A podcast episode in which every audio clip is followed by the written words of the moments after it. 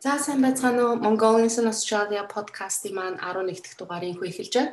Өнөөдрийн дугаараар Монош их сургуулийг олон улсын харилцаа буюу International Relations мэрэгчлэр мастер зэрэгтэй төгссөн. Мөн Дэхэн их сургуулийг санхүү нэгтлэн мэрэгчлэр мастера хамгаалсан.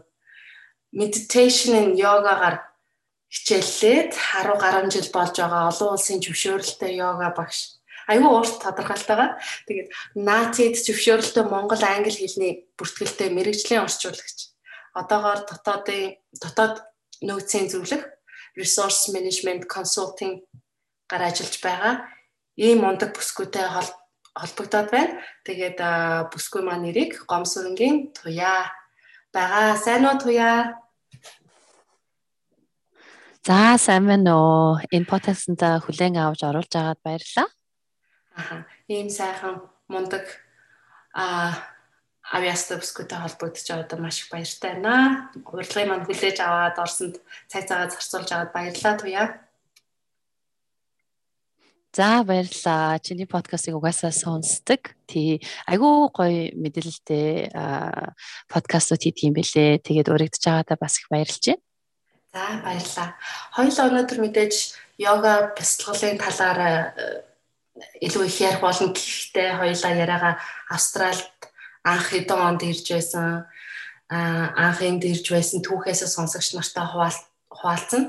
Тэгээд подкастын маань үндсэн зорилго бол энэ Австрали улсад ирээд ажиллаж амьдарч сурж байгаа монгол хүмүүсээ бие биетэй танилцуулж, бие биенийхээ туршлага мэдлэгийг хуваалцаж, тэ хуваалцуулж мэдээлэл солилцох мөн ямар ямар сайхан мэрэгчлэр мэрэгчлэрээ ажиллаж байгаа монголчуудынхаа талаар бас мэдээж авах.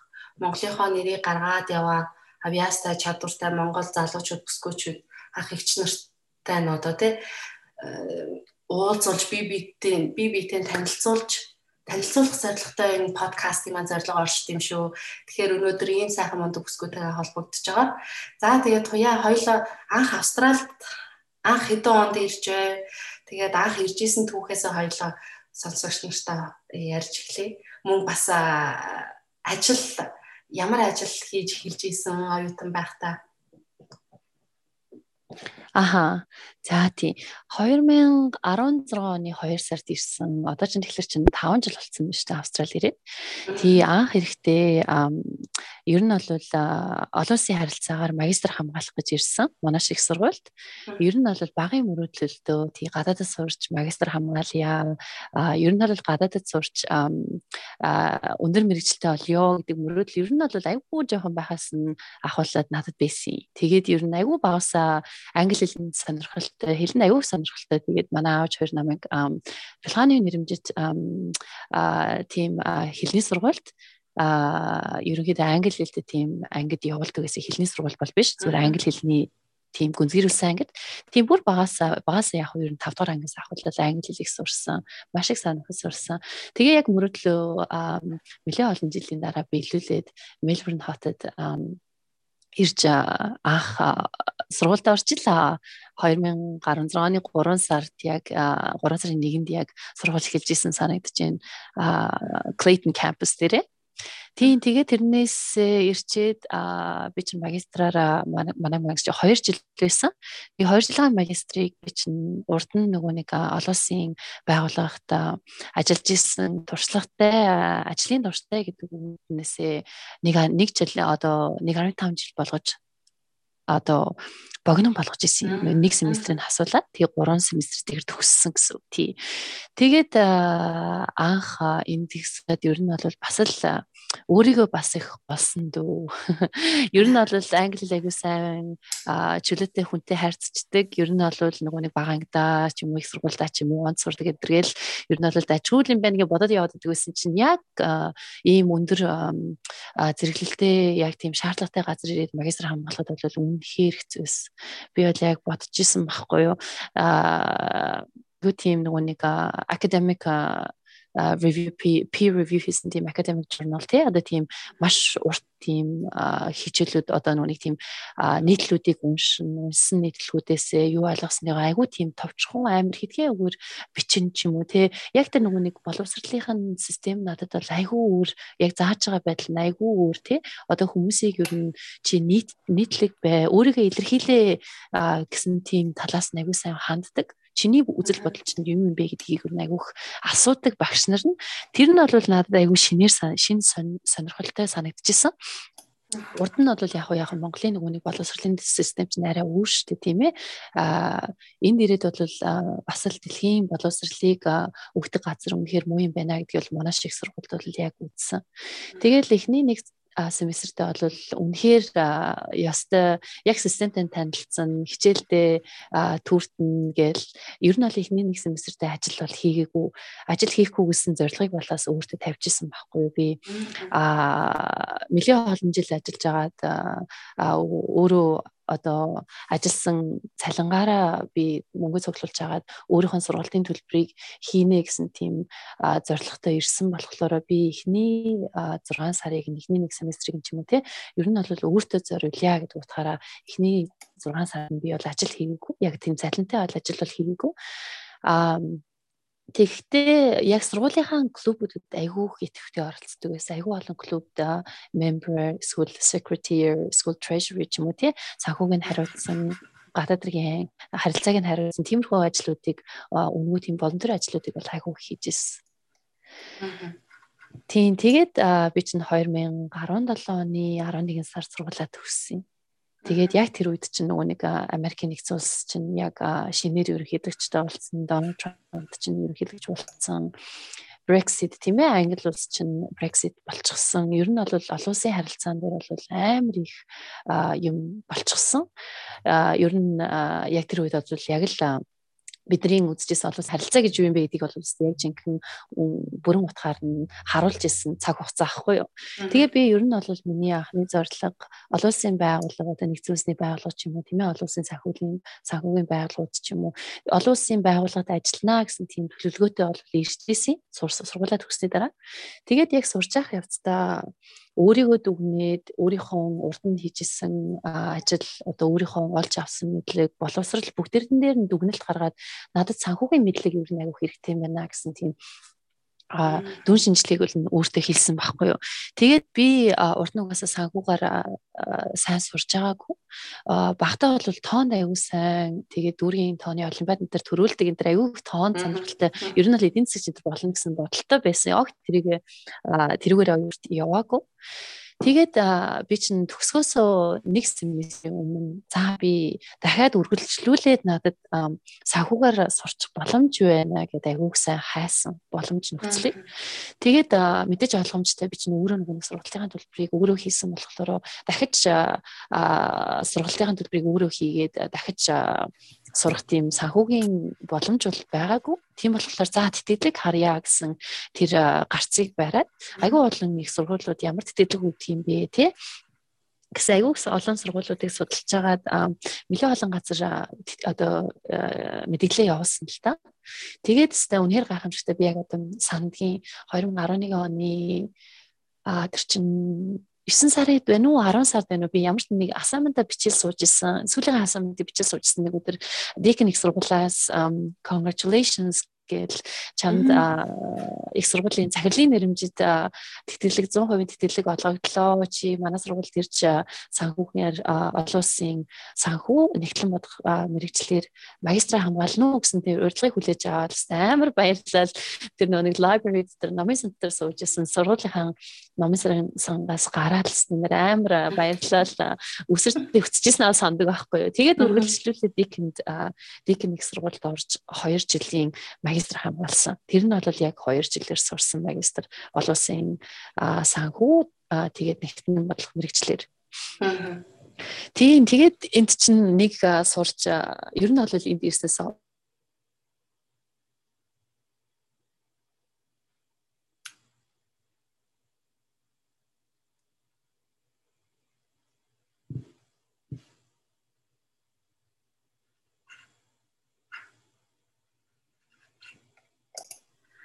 За тэгээд тэгвэл хоёр дахь сургуулаа манай туяа маань тэгвэл тэтгэлгээр суралцсан гэсэн үг юм байна. Тэгэхээр энэ сонсож байгаа сонсогч нартай хэлэхэд тэтгэлгийн талаар мэдээллийг хаанаас авч болох вэ? Хаагаар энэ тэтгэлэгт хамрагдаж болдго юм болов? Хамрагдах жоох уу? Тэтгэлгийг авах эрхтэй болов уу? Тий, ер нь бол Австралийн их сургуулиуд өөрсдөө тодорхой хэмжээгээр сургууль болгон тодорхой хэмжээний тэтгэлэгдэхээ байдгийг.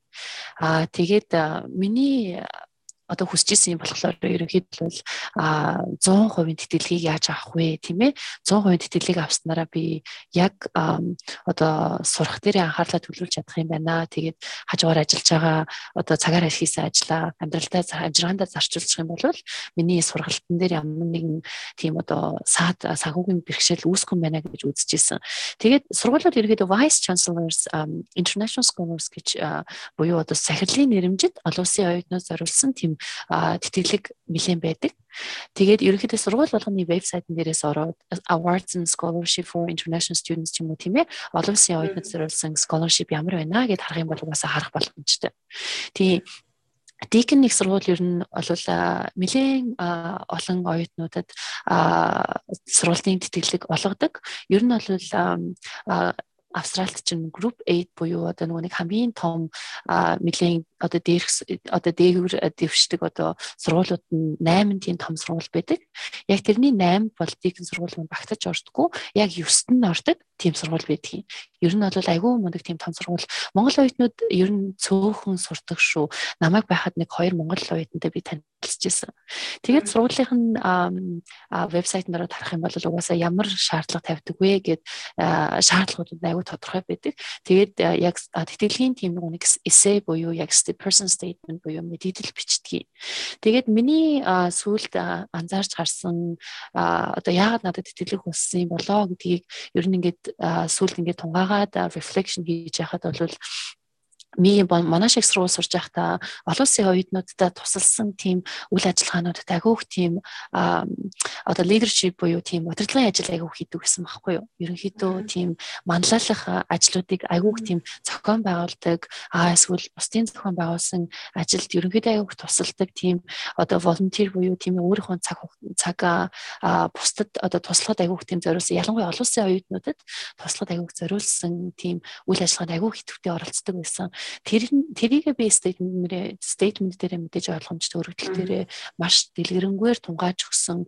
Тэгээд одоо холбогдох тэр референсийг шалгах тийм хүмүүсийн нэр усыг нь бас нэмж оруулж өгсөн. Тэрийг бас дээрэс нь урд нь сурч исэн, сайн сурч исэн дүнгийн тодорхойлт ч юм уу тий. Тэд нартай нийлүүлээд аа дээрэс нь Монгол улсаас ирсэн оюутнууд айгүй цөөхөн байдаг. Тэгээд Монгол улсаас ирсэн оюутнууд бас байдгийн байна. Аа Монгол гэдэг улс чинь бас оюутнуудаа ингээд Австрали руу явуулдаг юм байна. Оюутнууд энд ирчээд бас ийм нийгэмд хэрэгтэй үйл ажиллагаанд их оролцдог юм байна гэдэг утгаараа жоохон содон харагдсан болов уу гэж би бас ойлгосон.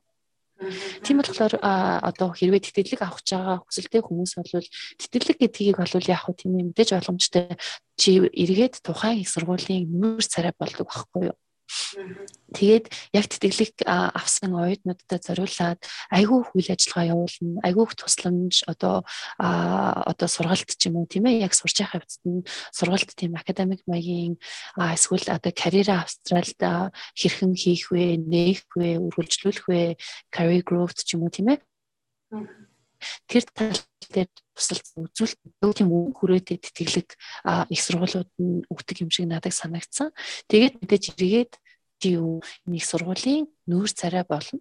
Тийм болохоор мэдээж тухайн өгсөн сургуультай сургуульчин чамайг тэтгэлэг өгөхийн тулд энэ хүн маань эргээд манай сургуулийг тиймээ сайнаар харуулж чадж гинэ үү? Сайнаар харуулах хүн байна, мөн байна уу? Маркетинг хийж чадж гинэ үү гэдгийг бас харж үзсний үндсэн дээр сонголтоо хийдэг юм шиг надад санагдсан. Тэгдэг байхал та тийм олон хүмүүс хүсэл тавьж байгаа. Тэгэхээр тэр дундаас нь яг тийм шалгуураар л авдаг баг. Тэгэхээр эхний сургуулаа хуваараа төсөн монж шиг монж шиг сургуулийг хуваараа төгссөн гэсэн төлбөрийн хувьд за яг хиний туяагийн хувьд ямар төлбөртэй байсан бэ? Жилийн төлбөр нь семестрийн төлбөр нь? Тий нэг семестрийн төлбөр манайх чинь 16 мянган Австралид болоор нэг семестр нь. Тэгээд ер нь Танзан гэхэлэр чинь нэг жилдээ 32 мянган Австрали доллар болчих жоох байхгүй. Тэр бол зөвхөн сургалтын төлбөр. Тийм тэгээ би чинь нөгөө 2 жилийн магистра хэрвээ чи урд нь ямар нэгэн одоо ажлын туршлага байх юм бол тэрийгэ кредит болгоод одоо сунгаад одоо сунгаадгийн уучлаарай богино болгоод тийм сурч боломж байдаг тий хасуулаад яг үнэ. Би тэгээд сурсан ба. Тэгээд 16 мянган долларыг бол чи яг л мэдээж ойлгомжтой семестр эхлэхээс өмнө сургалтын төлбөрийг бүрэн хийсэн байх хэвээр. А тэр үед бол угаасаа би санхүүгээ яг сайн зохицуулчаад ирсэн. Угаасаа Австрали явж суралцъя гэж шийдвэр гаргаснаас хойш одоо бараг 3 жил юм уу да яг л хадгаламж үүсгээл ерөнхийдөө санхүүгээ агүй сайн төлөвлөсөн гэсэн. Аа Тэгвэл хүмүүс маань сонсож байгаа хүмүүс маань ер нь эртнээс сайхан сургалтын төлбөрийг төлөвлөгөөтэй тэгээ плантай ингээд сайхан цуглуулад манай туяа шиг маань ингээд сургалтын төлбөрөөр босгож болох нэ гэж. Тийм тэгэхээр за тэгээд манай туяа маань одоо наатид зөвшөөрөлтөй монгол англи хэлний бичгийн ярианы мэрэгжлийн орчуулагч байгаа. Энийхээ талаар бас хүмүүстэй хоёлоо жоохон мэдээлэл өгье. Австралид бараг 3 л яг юм бүртгэлтэй орчуулагч байдаг гэж байсан. Тэгэхээр тэрний талаар хоёлоо ярилцъя. Тэгээс англи хэлийг яаж сурваа? Ийм сайхан сурваа гэдэг нь бас хүмүүстэй ярьж өгье. Окей. Um тий натигийн ерөнхийдөө зөвшөөрөл бол professional level буюу яг мэрэгжлийн орчуулагч гэсэн зөвшөөрлийг монгол хэл дээр бол олгодгүй байхгүй юу? Тийм монгол хэл дээр болохоор recognize буюу зөвшөөрөлтэй орчуулагч гэсэн тийм зөвшөөрлийг одоо орчуулагыг зөвшөөрлийг олгодгийн. Тэрний шалтгаан нь болохоор Австральд монгол хэлээр шалгалт аваад миний одоо монгол хэл монгол англи орчуулга монголоос англиар орчуулж байгаа англиас монгол руу орчуулж байгаа орчуулга маань мэрэгжлийн түвшинд байж чадчихна уу үгүй үгийг тодруулах шалгалт нь байдаг байхгүй юу. Тийм болохоор тийм professional level буюу мэрэгжлийн түвшин дээр биш бол биш community level буюу тийм зөвшөөрөл хэрэгтэй энэ хүний англи хэл монгол хэл нь адил орчуулга ихэд асуудалгүй байна гэдгийг л одоо тийм лиценз олгоод өгсөн тийм зөвшөөрөл байгаа гэсэн. Тэгээд энэ зөвшөөрлийг бол авахд нэлээд төвөгтэй байсан. Би 2016 онд анх ирэхээс өмнө аплай хийгээд 7 8 сар хүлээж зөвшөөрлөө авч исэн байхгүй. Тэгээд тэр зөвшөөрлийг авч явах явцад яг урд нь мэрэгжлийн орчуулга хийж исэн үү тийм ээ. Аа тэгээд хэрвээ хийжсэн бол хийжсэнийгаа тодруулаа. Аа тэгээд англи хэлний нөгөө нэг одоо IELTS оноотой юу 6-аас 7 IELTS оноос шаарч исэн санагдчихэв. Тэгээд ерөнхийдөө яг нь вебсайтн дээр нь угаасаа байгаа яг тийм ямар ямар шаардлагууд тавигддаг вэ гэсэн шаардлага нь ер нь бол урд нь заавал орчуулга хийжсэн байх тийм тийм туршлагыг бол шаардж байсан. Тэгээд мэдээж мэрэгжлийн хэмжээний тийм ээ англи хэлтэй байх. Тэгээд тэр шалгууруудыг давсан тохиолдолд зөвшөөрөл бол болгодог. Аа тэгээ зөвшөөрөл олгонгуудаа тэрийг 3 жилээр олгоод аа хэрвээ хүсэх юм бол өөрийнхөө нэрийг наатигийн вебсайтн дээр би наатигийн зөвшөөрөлд орчуулагч аа гэд оруулчих болдгийн лист болгоод оруулчих болдог гэсэн. Тэгээд би оюутан байхад бол яг наатигийн орчуулгыг орчуулагчаар бол нэлээд их ажилласан. Тэгээд угаасаа нөгөө нэг Австрали улс чинь цагаачлалын улс гэдэг утгаараа улсын байгууллагууд нь ялангуяа улсын байгууллагууд нь орчуулгын үйлчилгээг үнэгүй өгөх тийм subsidiary буюу тийм нөгөө нэг одоо тодорхой хэмжээний төсвийг улсаас нь гаргаад өгчдөг байхгүй юу. Эмнэлэг байх юм бол эмнэлэг дээр бол орчуулга шаардлагатай байх юм бол чи орчуулга авч байгаа хүн маань одоо Монгол улсын иргэн маань ямар төлбөр төлөхгүйгээр орчуулга хүсэх одоо боломжтой бүрэн боломжтой. Тэгээд миний хийжсэн орчуулагч орчуулга маань ерөнхийдөө бол эмнэлэг дээр агиух орчуулга хийж лаа. Монголчууд маань ирж энд ирж агиух хүүхд гаргадаг тийм ээ гэр бүлээ тий өрөвжүүлдэг тий агиух хөрхэн Royals Women's дээр бол гэсэн эмнэлэг дээр агиух болоод орчуулга хийжсэн. Цагдаа шүүхтэр орчуулга хийж лаа. Аа тэгээд нөгөө нэг ямар нэгэн одоо аварын осол гарсан тохиолдолд тийм уцаар ч юм уу эсвэл очиж орчуулга хийжсэн. Тийм тэгээд хэрвээ хүсэлтээ одоо орчуулагч болё гэсэн хүмүүс маань ерөнхийдөө бол хүсэлтээ гаргаад аппликейшн өгөхөд бол илүүдэхгүй гэж үзэж байна. Яагаад гэвэл орчуулагч бол агиух шаардлагатай гэдэг байхгүй юу. Тэгээд би сургуулаа төгснөхийн дараа өөрийнхөө мэрэгчлэр бүтэн цагаар ажиллаад эхэлсэн энэ Австралда. Тэгээд бүтэн цагаар ажиллаад эхлэхлээр яг орчуулга хийх цаг хугацаа надад гарахгүй байгаа болохоор би өөрийнхөө нэрийг наатигийн вебсайтн дээрээс листээс нь авцсан. Тэгэхдээ зөвшөөрлийн наатийн зөвшөөрөл надад бол хэвээрээ байдаг. А цаг зав гарах юм бол цаг заванда тохируулаад орчуулга хийгээд явж байгаа. Тий англи хэлийг яа сурсан бэ гэж та нар асуусан. Тий англи хэлийг бол яг л Монгол байхдаа сурсан шүү. Ер нь бол хүүхэд байхасаа төрөө хэлсэн англи хэл агуу сонирхолтой байсан. Гэсэн тэгээд а Монголд байхаас ер нь бол гадаадад явж энд ир сурхаасаа өмнө бол англиар нэлээд их сайн яриа сурцсан байсан. Энэ бол Австралид ирсний дараа надад айгүйх тийм эргээр нөлөөлсөн гэж үзэж байгаа юм. Нийгэмд нь одоо орох тийм ээ тодорхой хэмжээнд амжилтанд хүрэхэд бол яг хэлний шаардлага бол яг яг байгаа. Ер нь бол хэлгүй бол хүлгүй гэдэг бол яг үнэхээр үнэ. Тэгээ ялангуяа Монголоос ирж байгаа оюутнууд маань тийм ээ а миний бодлоор бол англи хэлээ нэлээд сайн дайшл одоо сайжруулчаад наашаа ирэх юм бол энд бол амжилт гаргахад бол нэлээд хурдан болно гэж бодож байгаа. Тийм шүү. Тэгээд бас ер нь манай монголчууд маань энд байгаа монголчууд маань ер нь монголчуудаас хол амьдрах юм бол англи хэлийг илүү их сайн сурах сурах магадлал аягүй өндөр шүү гэж бас хэлмээр байдаг байхгүй.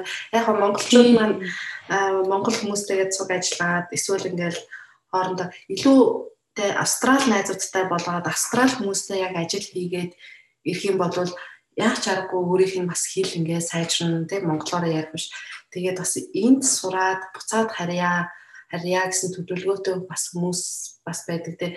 Тэгэхээр бас энд байгаа 2 жилээ 3 жилээ бас англи орчинд англиар яриад австрал хүмүүстэй яг ингээд орчинд нь байгаагаа мэдрээд тэгээд дутагтай ярих юм бол тэр сурсан юм маань бол нутагт маань их л хэрэг болохоор л байгаа.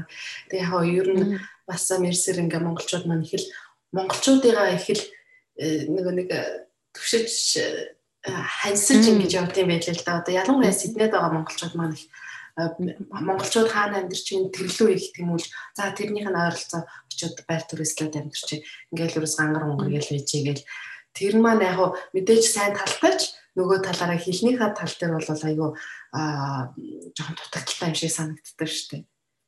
Тий, ерөөхдөө бол Австральд ирж байгаа зорилгоо ерөнхийдөө айгуу сайн тодорхойлж байгаа байхгүй юу? Яг анх ирэхээс өмнө миний зорилго бол тий, миний зорилго бол угаасаа би Австрали хийсэн зорилго маань угаасаа Австралчин цагаачлалын орон тийм ээ?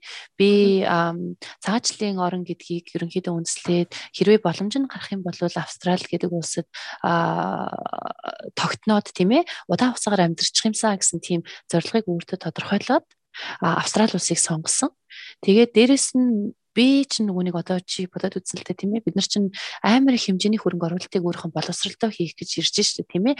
А одоо 2 жилийн сурвалж чинь 60 мянган доллар. 60 мянган долларын хөрөнгийг би өөртөө оруулж байна гिचэнгүүтээ энд ирчээд би монголоор амьдраад байх юм бол тэр 60 мянган доллар чинь ерөөсөө салхинд хийсгэсэндээ л адилхан болчихж байгаа байхгүй юу Тийм болохоор ерөнхийдөө яг өөрийнхөө нөгөө нэг сэтгэлгээгээ агиух тийм өөрчилж өөрийгөө бас тодорхой хэмжээгээр жоохон хурцтгамаар байгаа юм л та. Яг мэдээж ойлгомжтой монголчуудаа дагаж амьдрах нь мэдээж тэр хүнд сурсан чанар тийм ээ одоо сурсан байдал монгол зангаараа нэлээд сайхан л байгаа илгүй тийм ээ.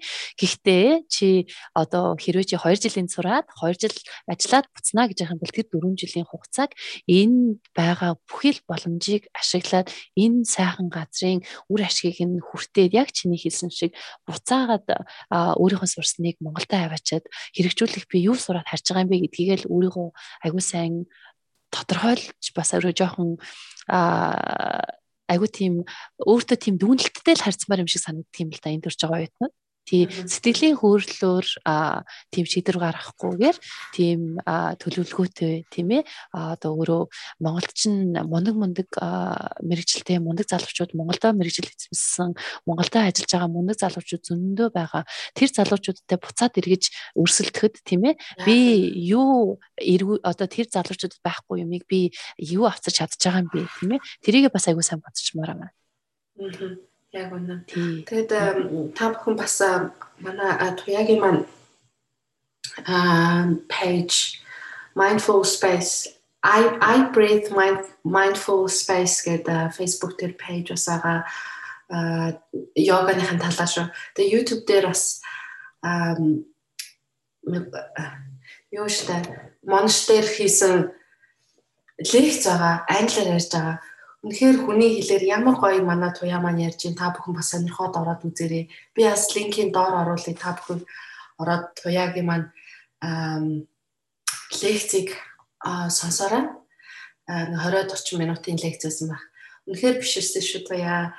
Үнэхээр айгүй гоё англи хэлтэй, айгүй гоё цэвэр акценттай. Өстой мундаг англиар ярьдаг бүсгүй байгаа.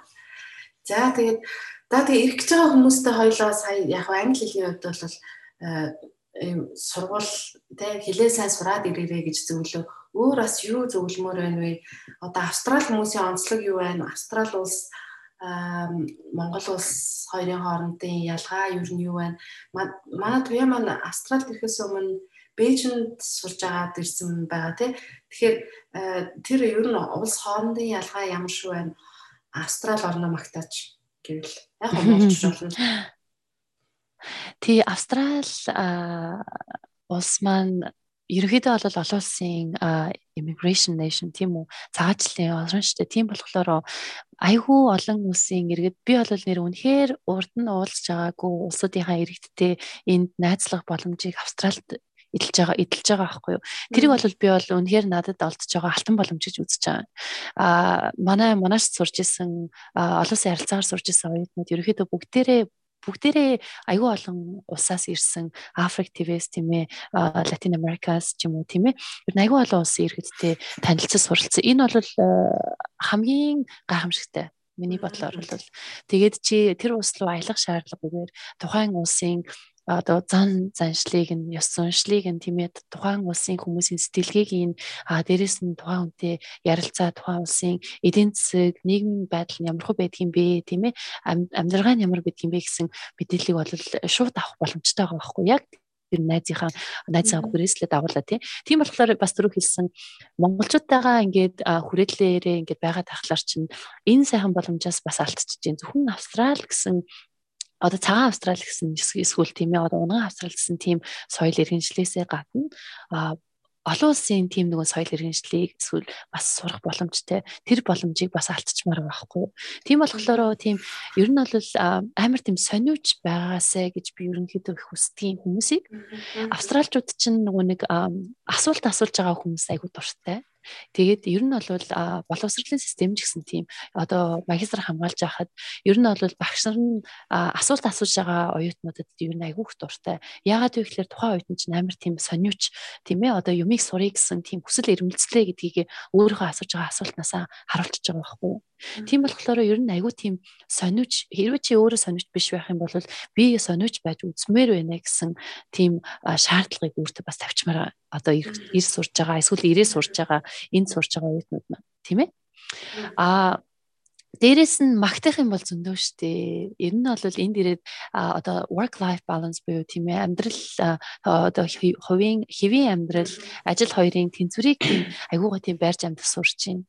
Ер нь бол амьдрал ажил ажил биш. Ер нь бол ажил гэдэг чинь зөвхөн амьдралын сайхан сайн сайхныг бий болгох гэж бид нар чинь ажил тийм байна гэдэг сэтгэлийг бол австралчууд чинь яг гаргаж өгч байгаа байхгүй. Бид нар чинь өөрсдөө австрал дотроо айгүйх аялах дуртай тийм ээ. Тэгээ би энд ирснээс хойш бол австрал австралаар бол нэлээд их аялсан Тэгээ дээрэс нь нөгөө нэг хадан давирах ер нь бол авирдаг байсан. Rock climbing гэсэн тийм одоо спорт байгаа тийм ээ. Тэр спортоор хичээлдэг байсан. Тэрний яг зөвхөн жим дотор авирдаг байсан. Одоо нөгөө дотор жимд авирдаг.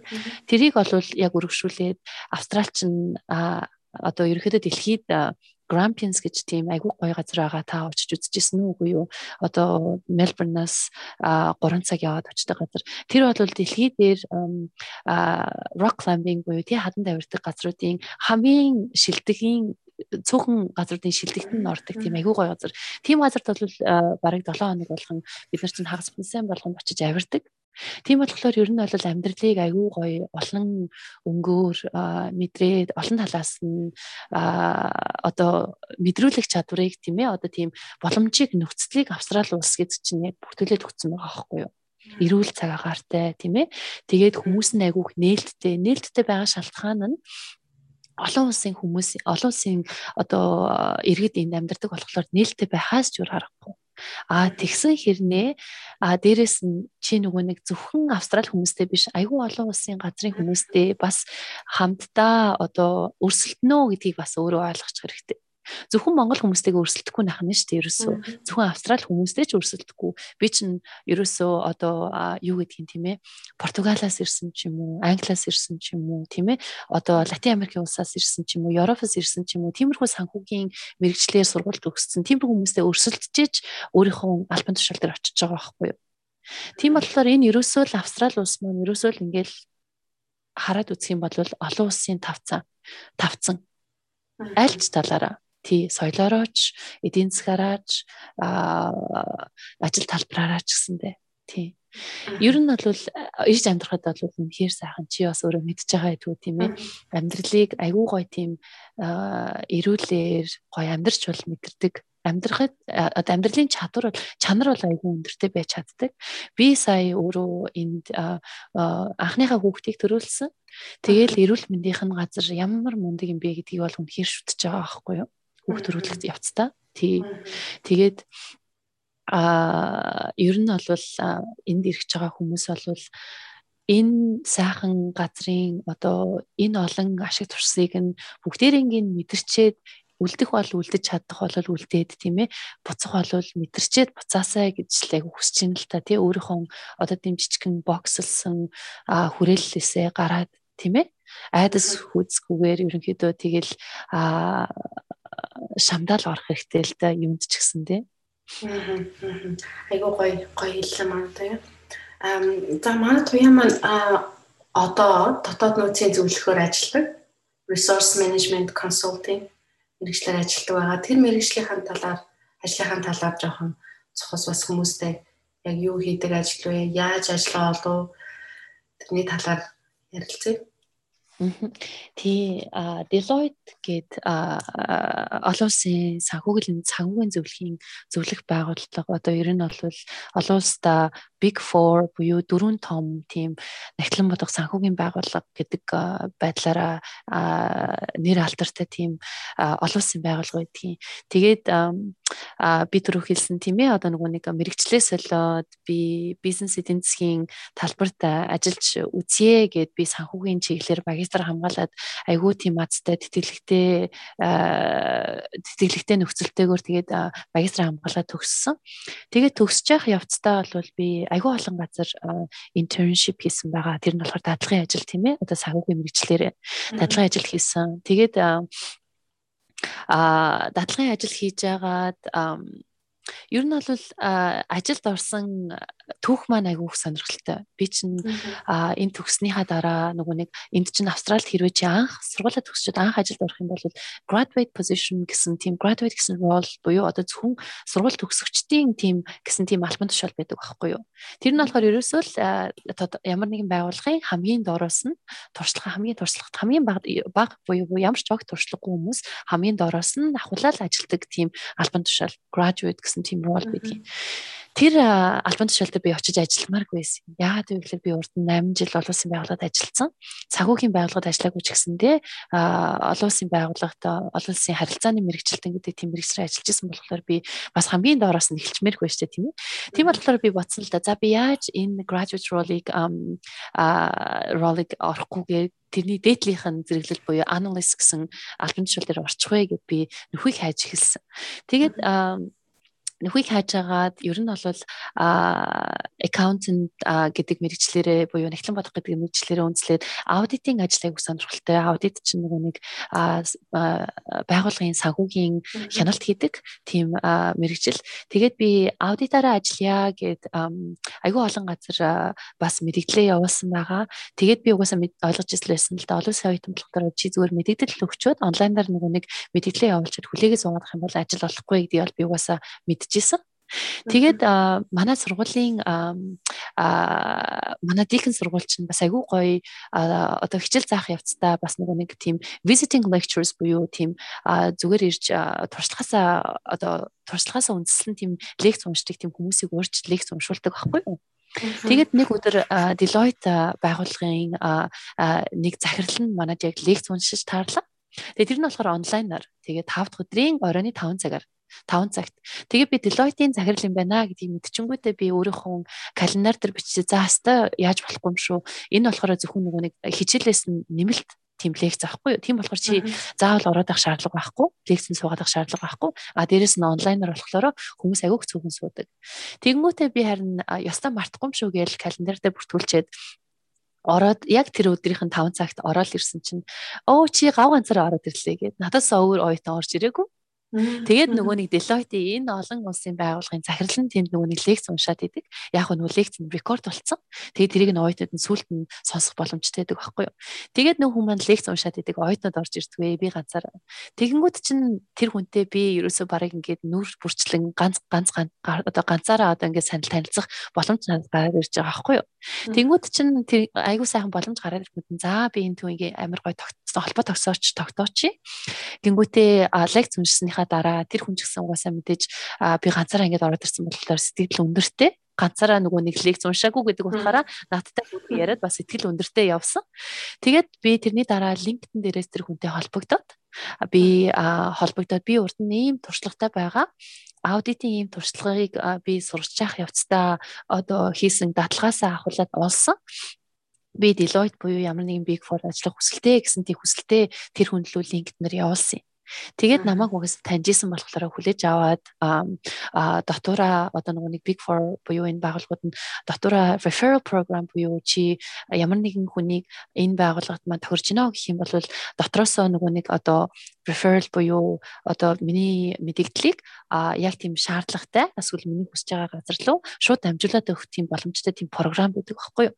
Тэр програмаар дамжуулаад намайг тэр аудитын хаялцс руу ажилд орох хүсэлтийг маань явуулаад тэгээд би айгүй олон үед үед амьдсан одоо нөгөө нэг интервью ярилцлага, утсан ярилцлага, нүүн ярилцлага, шалгалт гэсэн тийм бүх юмнуудыг нь даваад тийм гурван үе шаттай байсан санагдчихэв. Тэрийг даваад 2019 оны 7 сард сургуулаа төгсгөөсөө өмнө хамгийн сүүлийнхэн семестрт байхдаа хагас цагаар би Deloitte-д ажиллаж эхэлсэн. Тэгээд сургуулаа төгсмөгцөө бүтэн цагаар болоход ажиллаж байгаад 2020 оны 6 сараас ахуулаад би ер нь аудит надад аудитэд ер нь бол би цаашдаа явах сонирхол надад ер нь аягүй бага юм байна гэдэг үднээсээ одоо нөөцийн зохицуулагч буюу нөөцийн одоо консультант гэсэн тийм мэрэгчлэр орё гэд яг аудитынхаа газрын одоо бүтцийн нөөцийг нь хариуцсан тийм алтан тушаалтанд нь одоо зөвлөхөр ороод одоо ажиллаж байгаа гэсэн. Тэгээд яг зөвлөх гэдэг маань яг тэр нөгөө нэг аудит чинь айгүй олон хүнтэй, айгүй 100 гаруй хүнтэй тийм тасаг байдаг байхгүй аудитын тасаг маань. Тэр хүмүүсийнхаа стратегийг нь боловсруулад өөрийнхөө дотоод нөөцийг, телотийн дотоод нөөцийг яаж хамгийн үр ашигтай ашиглах уу, яаж стратеги план гаргах вэ гэдэг тэр одоо хариуцсан ажилтдаг ерөнхийдөө хүмүүстэй айгүй харьцдаг ажил гэсэн үг.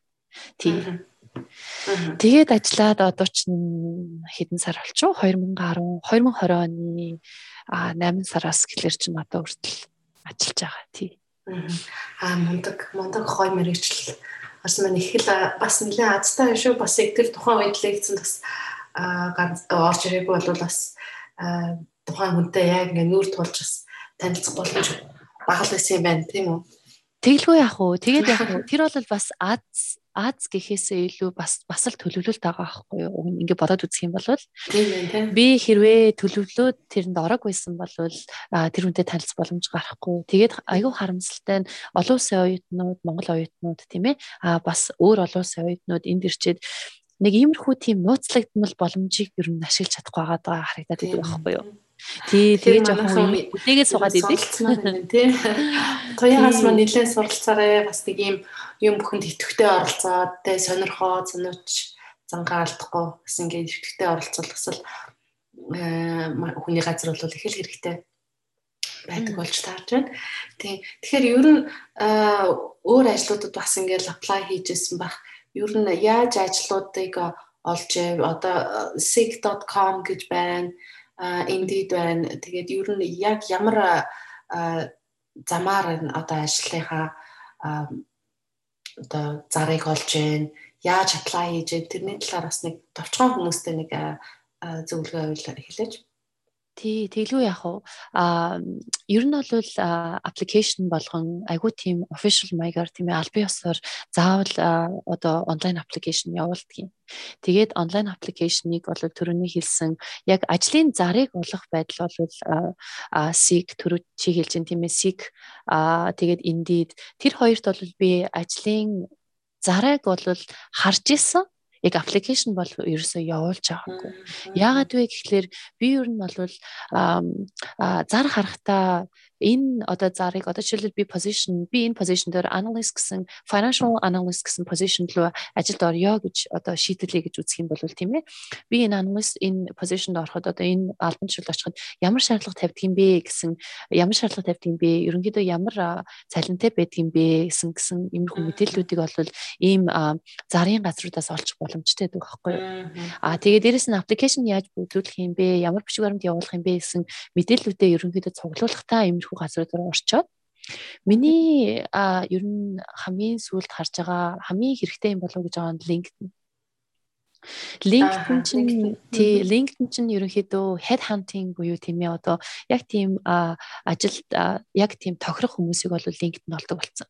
А над дээр эр зөвлөгөө авъя гэдэг ерөөхдөө энд байдаг оюутны энэ төр ерөнхийдөө аягүй холбогддог л доо яг хүнээс дамжуулж энэ төр миний нэрийг авсан эсвэл би Deloitte-д ормоор байна.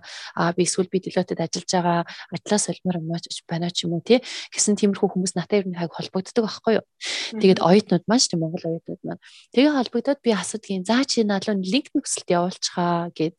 Тэгэхээр өө би LinkedIn пэйж байхгүй шүү дээ. А эсвэл LinkedIn-ээс надлуу хүсэлт хүрээд ирдэг тэгсэн чинь тухайн хүний нөгөө нэг LinkedIn одоо профайл нь зураггүй ч юм уу мэдээлэл дутуу а эсвэл ямар ч connection энэ байхгүй тийм линктэй байгаад байгаа байхгүй юу. Тэгээд хэрвээ чи Австралийн одоо нөгөө нэг хөдөлмөрийн ийм зах зээл дээр өрсөлдөж юу гэх юм бол чи ерөөсөө number 1 хамгийн ихний юм чинь л чи LinkedIn-д байх хэвээр. Чиний LinkedIn чинь маш professional байх хэвээр.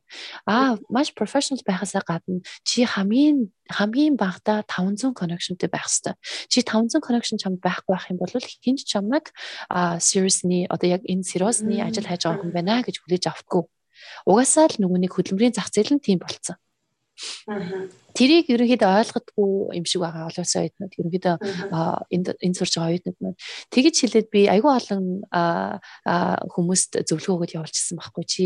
Би чамд хоёр сарын хугацаа өгье. Чи энэ 2 сарын хугацаанд а connection-а нэг нэмчих тийм ээ. Одоо таньдаг оюутан ч гэдэг юм уу, урд нь ажиллаж байсан хүмүүс ч гэдэг юм уу тийм ээ. Эсвэл ажилд орох гэж байгаа хүмүүс л connection явуулаад connection-а нэмчих. А дээрэс нь чи өөрийнхөө профайлыг professional болгочих уу.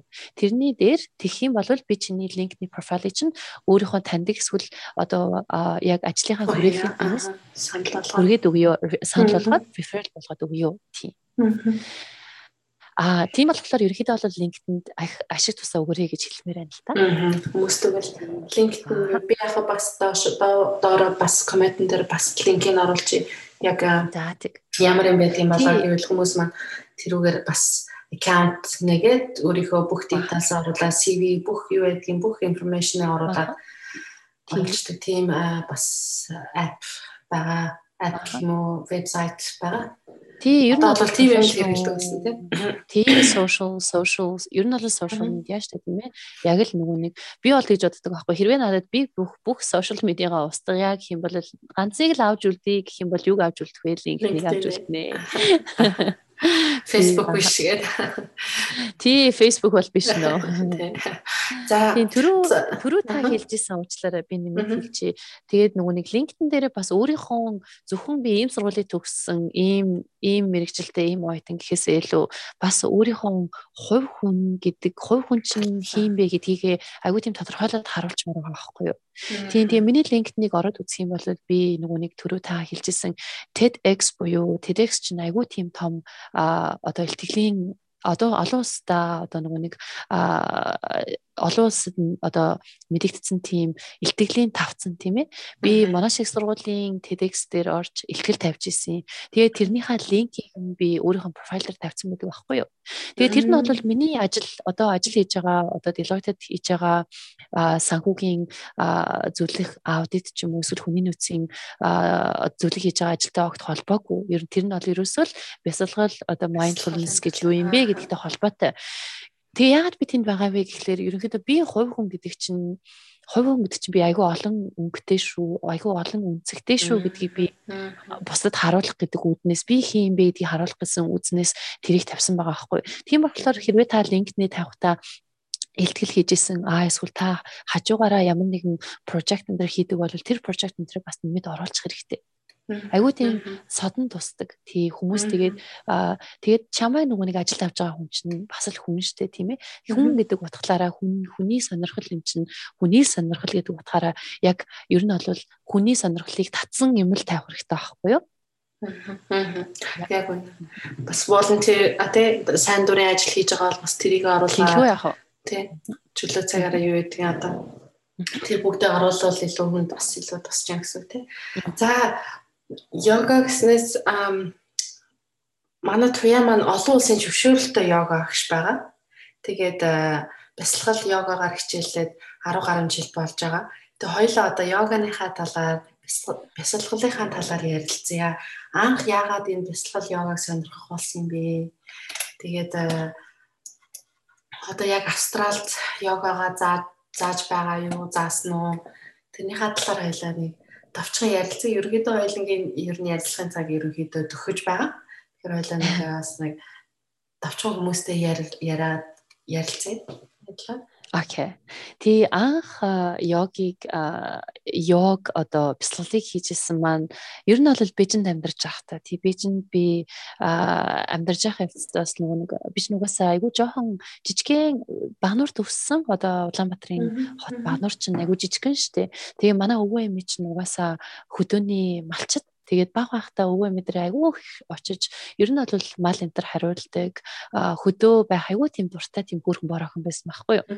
Тэгээд тийм байж байгаад тийм багнуур гэсэн жижигхэн газар өсөөд Улаанбаатарт их сургууль сурж агаад гинтхэн Бээжин гэсэн тийм амар том өчнөө олон сая хүнтэй газар очингуутай амар тийм олон улсын тавцанд ингээл ажиллаад эхэлсэн чинь бас их хэмжээний тийм стресс гэдэг юм мэдэрсэн л дээ. Тэ стресс anxiety гэдгийг э, дуу чимээнээс ахуулаад тий. Амар гоо чимээгүй газар байдаг хүн чинь гів гинтгийн амар их огт зогсдгүй тийм амьдралын амар хурдан амьдралын тийм эрчимтэй газар ингээд очиод амьдраад тэрэн дотор нь буцлаад ажиллаад найз нөхөдөө болоод ингээд байсан чинь яг өөрийн маань нөгөө нэг хөдөө амьдарч исэн тийм амар гоё чимээ чимээгүй амар амгалан тийм бясалгалтай тийм бясалгаж байгаа юм шиг тиймэрхүү байдал айгүй тийм дутагдчихсан байхгүй юу. Тэгээд би найзтайгаа явж агаад анх йог гэдэг дасгалт санаандгүй очиод йог гэсэн хичээл цуугаад тэгээд тэр 90 минут дасгалыг хийчээд шавасана буюу нэг амрах тийм хамгийн сүүлд нь амрах тийм тийм гоё юу байдаг одоо position asana гэж ярьдаг тийм position-ыг тэрэн дээр 5-аас 10 минут амардаг. Яг тэгээд амарч яхад бүр яг тийм хөдөө өвөөгөнд очсон юм шиг тийм амар гоё тийм танил мэдрэмж төрж исэн. Яг тэгэл тэрнээсээ болол тэр чинь 2009 он байсан юм уу 2008 он байсан юм уу. Тэгээд тэрнээс хойш ер нь бол амтнд нь ороод а яг нэг тийм йогийн сургуулаар а яг нэг тийм йогийн сургуульд дамжуулуулаад яг тэр сургуультай 6 жил ер нь бол баг өдөр болгон очиж хичээлдэгээс ажлын дараа ажлаа тараал йог руугаа явдаг. Тийм тэгээд тэнд сурж агаад тэнд сургуультай туслах багшаар ажлын дараа штэ туслах багшаар бас багшилж эхэлсэн. Тэгээд 2015 оны 19 сард наашаага Австрали ирэхээс өмнө би энэтхэгт очиж эмнэтгийн Ришикеш гэдэг тийм хямлайн нурууны хямлайн нурууны тийм нуруунд байдаг тийм айгуу гой тийм одоо ер нь бол йогийн л их их их орон гэж байгаа тийм их их үндсэн газар гэж байгаа тийм газар очиж багшийн сургалтыг хийсэн 200 цагийн багшийн сургалт тэр нь болохоор олон улсад багшлах хэрэгтэй. Тийм тэгээд Австралид ирчээд багшилсан хүүхэн Брайтны тэнд нэг оюутан байхдаа шүү дээ. Нэлээд цаг хугацаатай байсан болохоор сургуулийнхаа сургуультай бас багшилдаг байсан манай шиг сургуулиас йог заадаг байсан бясалгал заадаг байсан. Дикэн байхдаас йог заадаг байлаа бясалгал заадаг байлаа. Ер нь бол заахаас илүү би өөрөө тэрүүгээр хичээлдэг л дээ өдөр болгон бясалгадаг ер нь бол йог хийдэг. Тэгээд би ингээ эргээд ингээ харахад миний одоо э, ялангуяа TED TED дээр ихтгэл тавихын өмнө би яг бясалгалаа хийж өөрийгөө тайвшруулаа, сэтгэл санаагаа тайвшруулаад одоо бодол санаагаа төвлөрүүлж агаад илтгэлээ тавьж исэн. Deloitte-д яг нүүр нүрээ тулсан ярилцлагад орохоос өмнө би Deloitte-ийн одоо нэг яг restroom дотор нь 5 минут сууж байгаа бясалгалаа хийж агаад бас л сэтгэл санаагаа төвлөрүүлж байгаад ярилцлага өгч исэн. Ингээд эргүүлээд харахад миний амжилттай хийсэн амжилттай хийсэн тодорхой хэмжээний бахан зэрэг амжилт гаргасан юмнууд маань ер нь бол бясалгал хийж өөрийнхөө бод салаа бодол санааг төвлөрүүлж одоо өөрийнхөө эмоцийг тийм барьж чадсны үндсэн дээрээс тодорхой юмнуудыг ингээ хийгээс сурцсан болов уу гэж би боддог л доо. Тийм болохоор ер нь бол амьдралдаа хэрэгжүүлээд ирсэн нэг амьдралын хэв маяг маань гэж хэлж болно. Тэгээ тэрийг бусадтай хуваалцах айгуу дуртай. Дуртай. Би бас орой болгон ер нь жимд явдаг л та. Тэгээд жим манай тусдаа ингээ өөр өөр групп ангиудтай. Тэгээд йоганы ангид явдгийн, зумба ангид явдгийн. Тэгээ body pump гэдэг бас нэг жижиг өрхөн төмөр өргөдөг анги. Тэгээд йоганы ангид бас явдаг болохоор бас бас йоганы гайхамшигыг бас мэднэ л дээ. Тэгээд яг йоганы хичээлийн дараа нэг нэг 5-аас 6 минутын нүдэ бясалгал meditation гэж би ойлгоод байгаа. Дээшээ хараад тэгэл багш маань яриад тэ ингээл орчноосоо ингээл за энэ орчноосоо гараад ингээ сайхан ийм ийм төсөөлөөд гэд тэгээ нэг 5 10 минутын дараа багш маань хэлээл айгүй намуухай олгоор за ингээ буцаад энэ өрөөнд байгаа чимээгээ мэдрээд ингээд орчноо мэдрээд хуруугаа мэдрээд гараа мэдрээд гэж ингээл тэгэл нэг тэр бол медитейшн явагдаж байгаа гэж би ойлгоод байхгүй яг тэгсний дараа өөрөө ирэхгүй ингээд бүр ингээд нэг сайхан ингээд нэг тэг нэг сайхан ууж амьсгаа авцсан юм шиг тэгээ тийм мэдрэмж аяга төрдөг л та. Тэгэхээр ер нь йогаг ямар үед хийх хэрэгтэй гэдэм бэ? Жишээлбэл миний хувьд бол би нэг хаяа нэг гайгүй нэг итгэвтэй байх үед бол нэг орой унтахаас өмнө нэг хийгээ хийдгийн. Тэгэхээр зарим бас манай найзууд байгаа өглөө хийдэг байхгүй ажлаас өмнө өглөө хийдэг гэдэг жаан тэгэл биений хаж хилээ гаргаад гэдэг. Тэгэхээр яг ямар үед ер нь йога, медитейшн хийвэл зүгээр гэдэг юм болоо яг ингээ хой хүний үүднээс надад зөвлөж бас хүмүүс маань сонсч байгаа. Тэгээ ер нь бол яг өөрийнхөө зөвхөн би өглөө йога хийнэ гэд зүтгээд байх юм бол тэгээд өглөө зав гарахгүй байх юм бол би болчдөг ч юм уу.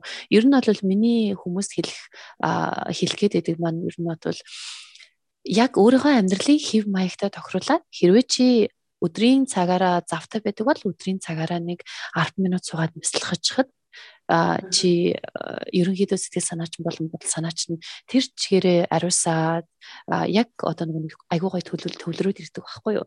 Миний өөрийн маань дуртай байдал бол өглөө. Өглөөний нар гарахад тодорхой хэмжээгээр хэрвээ надад цаг гарахгүй байлаа гэхэд тодорхой хэмжээгээр би суугаад одоо жишээл кофе уух ч гэсэндээ чи түрүү би харин хэлжилээ mindfulness гэдэг чинь ер нь яг одоо хийж байгаа яг энэ хугацаанд яг одоо энэ мөчөд хийж байгаа э, одоо зүйл дээрээ чи яг 100% үү те яг бүрэн төвлөрч чадчихэв үү? Бүрэн төвлөрөх чадварыг л mindfulness гэж хэлээд байгаа байхгүй юу?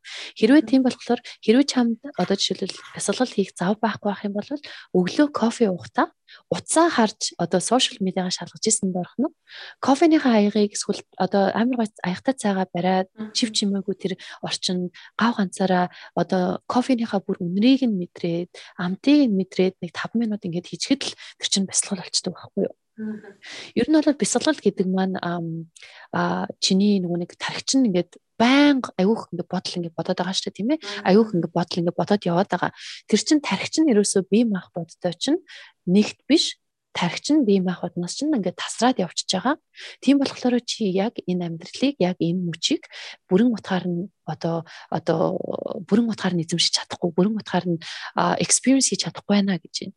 Тийм болохоор бясалгал гэдэг чинь ерөөсөө тэр нөгөө нэг бодол санаагаа төр зөр тайвшруулаад хэрвээ чадах юм бол зогсоогоод яг энэ мөчийг л enjoy хийж Тэрийг л бясалгал гэж хэлээд байгаа. Тийм. Тийм болохоор ер нь бол өөрийнхөө амьдралын хэв маягтай тохиолдлууд тохируулаад а чи ядаж 5-аас 10 минутыг өөртөө одоо зориулаад өөрийнхөө тархийг цэнэглэх юм бол түрүү хэлээд байгаа бид нар чинь мэдээж амжилт гаргах чил амьдарч байгаа тийм ээ. Тэр амжилт чинь чиний чиний бол амжилт юу ч хийх хийх гэсэн хүсэлтэй юм чинь бол биелнэ. Би бол тэрийг бол үнэхээр яг баттай хэлж чадчихэв. Тий. Тэгээд а одоо нөгөө нэг айдас гэдэг юм чинь ер нь бол бодол шүү дээ. Ер нь бол айдас гэдгийг бид нар чинь барьж авч барьж авч чадахгүй. Тэгээд энд ирсэн хүмүүс маань ер нь бол өөрийнхөө айдснаас болоод а ямар нэгэн ажилд орч чаддггүй а эсвэл шалгалтад авч чаддггүй а эсвэл нөгөө нийгэмд нэгдэж чаддггүй энэ бүхэн чинь тэр айдснаас болоод байгаа байхгүй тэр айдсыг чи нэгэнд бариад аваад бариад аваад уяад тийм ээ одоо эсвэл газар болж чадахгүй юм чинь тэр айдсыг чи өөрөөсөө ангижруулж байгаа ганцхан юм ангижруулах боломжтой ганцхан юм л бясалгал байгаа. Чи бясалгаас урчих юм бол тэр айдсаа буюу өөрийнхөө нэг эмоцийг контрол хийгээд тийм ээ одоо эмоцийг амар гой төвлөрүүлээд а ямар ч юмд амжилт хүрэхэд асуудалгүй болж чаднаа гэж би ер нь бол хүмүүс тайлбарладаг байхгүй. Хүмүүс нөө йог бясалгал гэхлээр л нөгөө нэг ажил амьдралаас амар тийм хол энэ тийм уул мул нь очиж суугаад бясалгадаг юм шиг ярьдаг байхгүй. Би түрүү хэлсэн шүү дээ чи хэрвээ амар том одоо нөгөө нэг одоо тавцан дээр гараад ихтгэл уншиж байгаа бол чамд айгүй хэмжээний айц төрнө.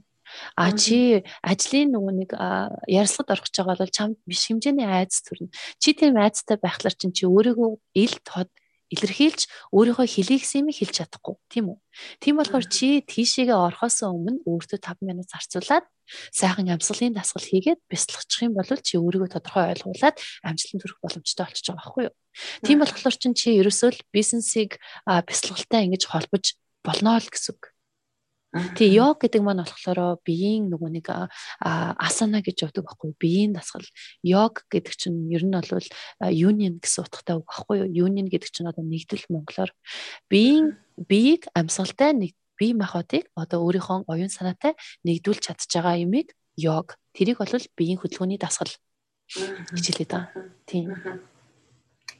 Энийг бол хүн болгон хийгээсэ гэж би ер нь их хэлсэн шүү. Аа. Тийм шүү дээ. Одоо ялангуяа одоо энэ манай Австрал байгаа монголчууд маань одоо эцэг их хамаатаас гадна найз нөхдөсөө тий дотны найз нөхдөсөө хол байгаа. Тэгээ хүний нутагт ил байгаа амьдарч байгаа хүмүүс монголчууд маань хомсик болж байгаа. Тэгэхээр монголчуудаа нэг сайхан богинохон хэмжээний нэг юм за яаж тий бясалгаад одоо энэ стресс энэ хомсикнийхаа стрессийг хурдан тайлгарах аргыг бас нэг хэлж өгвөл бас сонирхолтой юм болов тех тех боломж байгаа. Болгүй яах вэ? Тий, бололгүй яах вэ? Чи түрүү хэлсэн надад уг нь бол Facebook дээр I breathe mindful space а тэгээд YouTube дээр бас хөөрхөн хідэн видео бидгийн чи линкүүдийг нь бас нөгөө нэг подкастынхаа доотлолт нь оруулж нэз. Тэрийг би нөгөө нэг оюутан байхдаа нөгөө цаг хугацаа ихтэйсэн болохоор энэ ер нь бол Австрал буюу гадаад сурж байгаа оюутнуудад зориулж хийсэн бичлэгүүд байдаг байхгүй юу? Яаж бяцлах вэ? Яаж зөв амьсгалах вэ гэдгийг монголоор тайлбарлсан тийм богинохон бичлэгүүд байгаа. А дээрэс нь йогийн нөгөө үндсэн үндсэн дасгал болох нарны мөрөглийг яаж хийх вэ гэдгийг бас монголоор тайлбарлаад хийцэн тийм. Монголоор тайлбарласан юм тийм. Тийм монголоор тайлбарлаад тий. Сонсогч нар маань ойлгоод ойлгоно шүү дээ. Тэгэхээр доор линкийг оруулчих. Тий аха. Тэлгүй яах вэ? Тэрний линкийг нь оруулчихна. Тийм болохоор тэрэн дээрээс бас аваад сурчиж болно. Тэгээд ер нь бол бас миний нэг мөрөөдөл байгаа. Би бас тэр мөрөөдлөө нэг өдөр биелүүлэх байлгүй гэж би бодож байна. Тэр одоо өөрийнхөө нөгөө нэг project-ийг, mindful project-ийг үргэлжлүүлээд ерөнхийдөө бүтээгдэхүүн болгоё гэсэн тийм модал бодол мөрөөдөл надад байгаа байхгүй юу. Тийм тэгээд үргэлжлүүлээд би монголчуудаа гэлгүй ер нь бол англиарч байсан, монголорч байсан тийм ээ. Үргэлжлүүлээд заая, бясалгалыг заая, йог заая, ер нь бол YouTube channel-аа цааш нь явуулъя гэсэн тийм мөрөөдөл бол байгаа. Нэг өдөр бол яах вэ? Тий. Тэгээд яг уу хэрвээ йог бясалгалтай холбоотой холбогдох мэдээлэл энэ төр авъя гэх юм бол надтай холбогдчихэж бол болно. Би энэ тал дээр ярих үнэхээр их дуртай. Хүмүүст энэ тал дээр тараах айгүйх дуртай. Яагаад гэвэл би хүн болгоны амьдрал дээр гарч байгаа өөрчлөлт нь маш их эерэг байдаг учраас хүн болгоныг би ялангуяа Австрали улсад ирээд санхүүгийн асуудалтай маш их санхүүгийн дарамтнд тийм ээ одоо нөгөө нэг эн чинь айгүй үнэтэй газар, өртөг өндөртэй газар чинь Монголтойгоо адилхан тийм амар амгалан байхад бол хэцүү шттэ. Хүн болгон тэрийг бол мэдж байгаа тийм ээ. Тийм болохоор яаж сэтгэл санаагаа зохицуулах уу? Яаж эерэг өвөгдрөг байх вэ? Аа гэдэг тал дээр би айгүй их тийм хүнтэй ярилцмаар санагддаг байхгүй юу? Тэгээд ерөнхийдөө чинь эрэг эрэг байна өөдрөг байна гэдэг чинь дахиад л сэтгэл санааны асуудал. Сэтгэл санаа чинь бас л бодолтой чинь холбоотой чи юу бодож чинь тэрнээс болно. Тийм болохоор нөгөө нэг негатив буюу сөрөг бодлуудаа бясалгалаараа одоо контрол хийгээд жоохон эрэг байх юм бол мэдээж ах дүүсээсээ гэр бүл хамаатан саднасаа хол байгаа монголчууд маань нийлээд бас эргээр тийм ээ өөрийнхөө хүсэл зорилгот хүрчих юм болов гэж би бодоод ерөөхдөө бясалгал йог маань аюу хэрэгтэй юм байна гэд яриад идэгэн тийм байхгүй юу Тий. Тэгээд боломж гарах юм бол чи магадгүй бараг зохион байгуулж чадах байлгүй. Би Мельбурнд байгаа монголчуудыгаа нэг өдөр сайхан авцарч агаад би йог бясалгал бас зааж болж байна. Аа. Би ясаа яг тэгж бодож байлаа Mongolian Melbourne Australia гэсэн групп байгаа. Тэгээд тэр групп дээр ихийн туяа маань эсвэл сайхан цаг товолж байгаа лайф хийгээд лайфаараа бас энийг талаар бас хүмүүстэй бясалгалаа заагаад ингээд хийж өгвөл бас болох юм байна гэж бодлоо. Болно. Тий, болно. Аха, тий болгүй яах вэ? Тэгээд энийг зохицуулнаа. Аха. Тий болж байна хаа. Би уг нь бол 5 сар ихээр ажилдаа буцаж орох байхгүй. Одоогоор нэг декретийн амралттай байгаа. Тийм байгаа. Нэрээ туяада баяр хүргэе. Тий. За баярлалаа. Ээж байгаа. Аа тэгээд хэрвээ бүр бүгдээрээ тийм амар амбишс авах юм бол уг нь бол ажилд орохоос өмнө нэг цагаагаар айтайхан өдөр хэрвээ монголчууд манд цуглараад йог бясалгалын амтыг нь бас мэдрье гэх юм бол бүгдээрээ бас нэг нийлээд сайхан йог бясалгал заахад бол надад бол цаг хугацаагаа одоо волонтер хийхэд бол ямар ч асуудал байхгүй. Тэгвэл гоё гоё сонсогдож байна. Тэгээ нэгтгэхийг хүсэж байна. Миний зүгээс.